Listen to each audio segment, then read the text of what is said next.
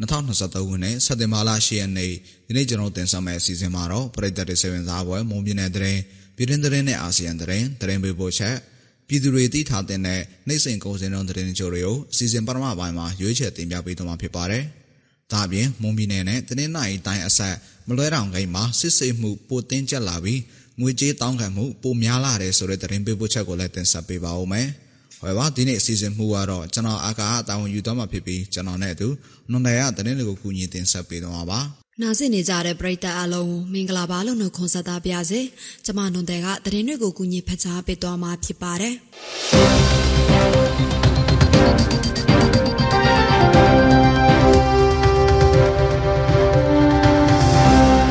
ပရမဦးဆုံးသတင်းပေါ်အနေနဲ့ပေါင်မြို့နယ် ရင်းညင်ကျေးရွာရှိရဲကင်းစခန်းမနေ့ကညနေပိုင်းကဒရုန်းနဲ့ဘုံချတိုက်ခိုက်ခံခဲ့ရတယ်လို့ဒေသခံတွေကနေသိရပါဗျ။ရင်းညင်ရဲကင်းစခန်းကိုညနေ၄နာရီခန့်ကတစ်ကြိမ်ညနေ၄နာရီခွဲခန့်ကတစ်ကြိမ်နှစ်ကြိမ်တိုက်ခိုက်ခံရတယ်လို့ဆိုပါတယ်။တိုက်ခိုက်မှုကိုဘယ်အဖွဲ့အစည်းကလှုပ်ဆောင်တာလဲဆိုတာမသိရသလိုထိခိုက်ပျက်စီးမှုနဲ့ဒဏ်ရာရရှိသူမရှိဘူးလို့လည်းသိရပါဗျ။ပေါင်မျိုးနယ်အတွင်းရဲစခန်းတွေရဲတပ်ဖွဲ့ဝင်တွေမကြာခဏတိုက်ခိုက်ခံရလေရှိပြီးပြီးခဲ့တဲ့လကလည်းပေါင်မျိုးနယ်ရဲတပ်ဖွဲ့မှုယုံ ပေါင်မြို့မရဲစခန်းပေါင်မြို့နယ်ထွေအုပ်ရုံးတို့ဒရုန်းနဲ့ဘုံချတိုက်ခိုက်ခံခဲ့ရပါသေးတယ်ခင်ဗျာ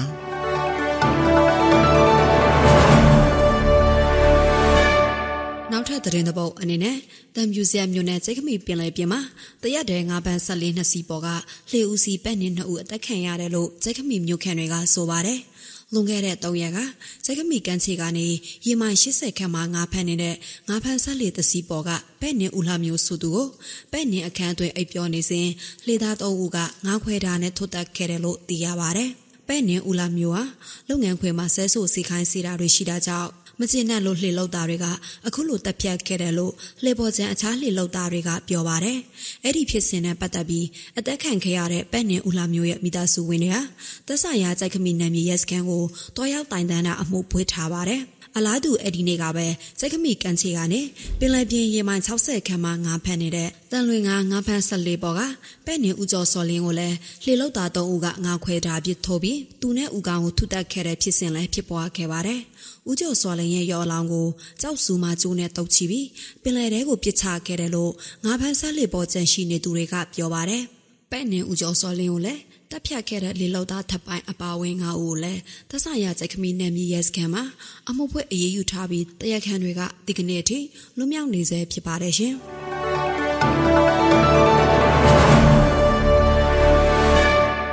နောက်ထပ်သတင်းတစ်ပုဒ်အနေနဲ့စစ်တပ်အာဏာသိမ်းခဲ့တဲ့နှစ်နှစ်ကျော်ကာလအတွင်းတိုက်ပွဲပေါင်း9,900ခန့်ဖြစ်ပွားခဲ့တယ်လို့အမျိုးသားညီညွတ်ရေးအစိုးရ NUG ကထုတ်ပြန်ထားပါတယ်။ စီရေးဗျူဟာမှာလည်းခန်းစရနဲ့အကျိုးထိုးစစ်ကာလကိုကူးပြောင်းနိုင်ခဲ့ပြီးတိုက်ပွဲတွေအတွင်းစစ်ကောင်စီတပ်သား3000ခန့်ကိုချိန်မုံနိုင်ခဲ့တယ်လို့ NUG ကာကွယ်ရေးဝန်ကြီးဌာနကဆိုပါတယ်။ NUG ရဲ့ထုတ်ပြန်ချက်မှာစစ်ကောင်စီတပ်ဘက်ကထိခိုက်ဒေဆုံးမှုအရေးအတွက်ကိုဖော်ပြထားပေမဲ့အဲ့ဒီအရေးအတွက်ကိုအတိအကျတည်မပြုနိုင်သေးပါဘူး။ လက်ရှိအချိန်မှာတော့ပြည်သူ့ကာကွယ်ရေးတပ်မတော် PDF တပ်ရင်293ရင်စီစစ်ဆဲတပ်ရင်68ရင်နဲ့ဘာဖတွေကိုလည်းမြို့နယ်ပေါင်း250ကျော်မှာဖွဲ့စည်းထားနိုင်ပြီလို့လည်း NUG ဘက်ကဆိုပါတယ်ခင်ဗျာ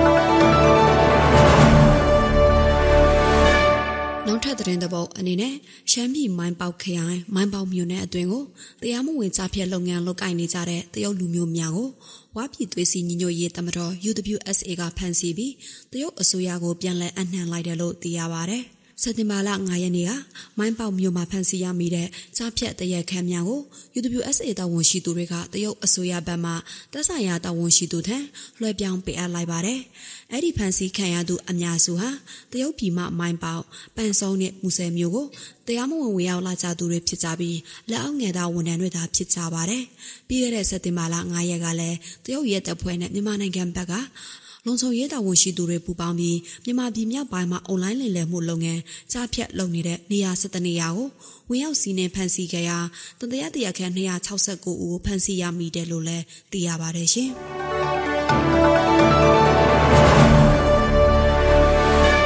နောက်ဆုံးသတင်းတစ်ပုဒ်အနေနဲ့စစ်ကောင်စီအားပြုလုပ်မဲ့အာဆီယံလေတပ်အကြီးအကဲများညီလာခံအာဆီယံနိုင်ငံအချို့တက်ရောက်မှာမဟုတ်ဘူးလို့ Justice for Myanmar JFM ကပြောဆိုလိုက်ပါတယ်။ စနေမှာ12ရက်ကနေ15ရက်အထိနေပြီးတော့မှပြုလုပ်မဲ့အဲ့ဒီညီလာခံကိုအာဆီယံနိုင်ငံတွေဖြစ်တဲ့အင်ဒိုနီးရှားမလေးရှားနဲ့ဖိလစ်ပိုင်နိုင်ငံတို့ကတက်ရောက်မှာမဟုတ်ဘူးလို့ AFP သတင်းတွေကိုကိုးကားပြီး JFM ကထုတ်ပြန်ပါတယ် AFP သတင်းဖော်ပြချက်အရထိုင်းလေတပ်ဦးစီးချုပ်တူဦးတဲ့ဟာသာ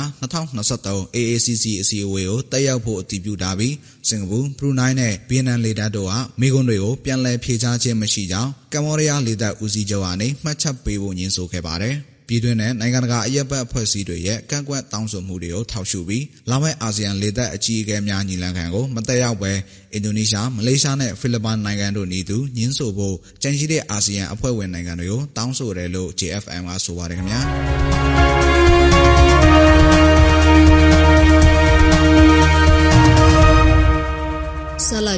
ပြည်ပြည်သူတွေတိထားတဲ့နိုင်စင်ကုန်စည်နှုန်းသတင်းအချို့တွေကိုမော်လမြိုင်ကုန်စည်တိုင်းကအချက်လက်တွေကိုအခြေခံပြီးကျမနွန်တဲ့ကတင်ဆက်ပေးပါဦးမယ်။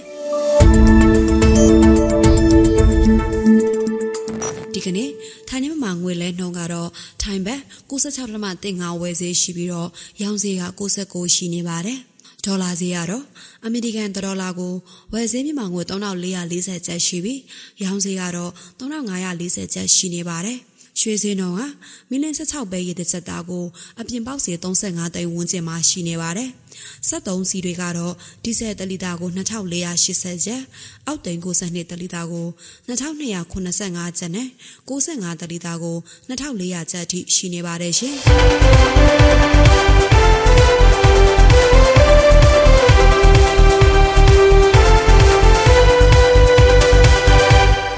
ခုတင်ဆက်ပေးသွားခဲ့တာကစက်တင်ဘာလ10ရက်နေ့မှာဖြစ်ပျက်ခဲ့တဲ့မုံမြင့်တဲ့တဲ့ပြည်တွင်းသတင်းနဲ့အာဆီယံသတင်းတွေအပြင်တနိဒာစီစီငွေစင်းနဲ့ကုန်စည်နှုန်းတွေကိုတင်ဆက်ပေးသွားခဲ့တာဖြစ်ပါတယ်။ဆက်လက်ပြီးတော့မုံမြင့်နဲ့သတင်းနိုင်တိုင်းအဆက်မလဲတောင်ခိတ်မှာစစ်ဆေးမှုပုံမတင်ကြလာပြီးငွေကြေးတောင်းခံမှုတွေပုံမများပြားလာတဲ့ဆိုတဲ့သတင်းပေးပို့ချက်ကိုနဒီယာတင်ဆက်ပေးပါဦးမယ်။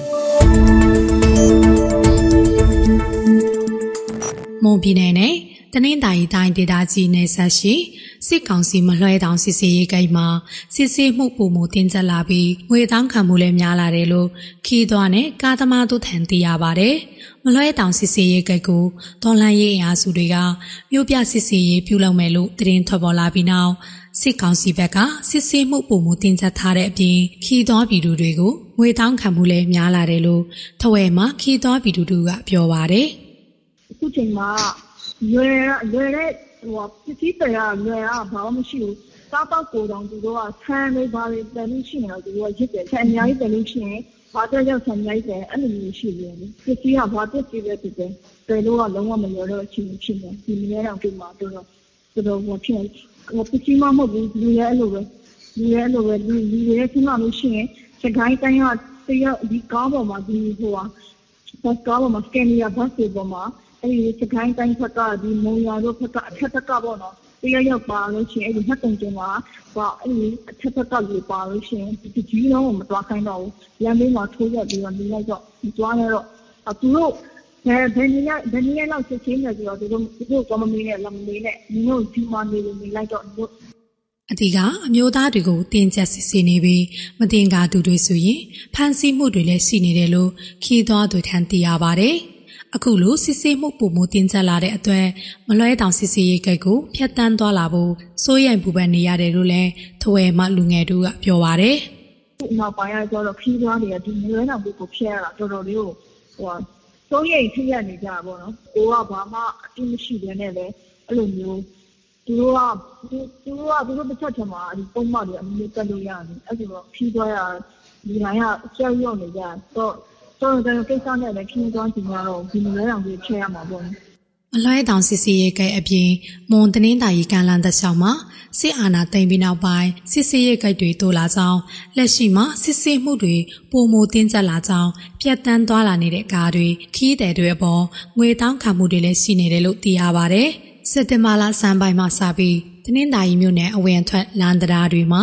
ည၈နာရီမှမနက်၄နာရီအထိလူနာတင်ရင်တွေဖြတ်တန်းသွားလာခွင့်ကိုစစ်ကောင်စီတပ်ကဖိတ်ပင်တားမြစ်ထားတယ်လို့လည်းဒေသခံတွေနဲ့လူမှုကယ်ဆယ်ရေးအသင်းပွဲတွေထံသိရပါတယ်ရှင်။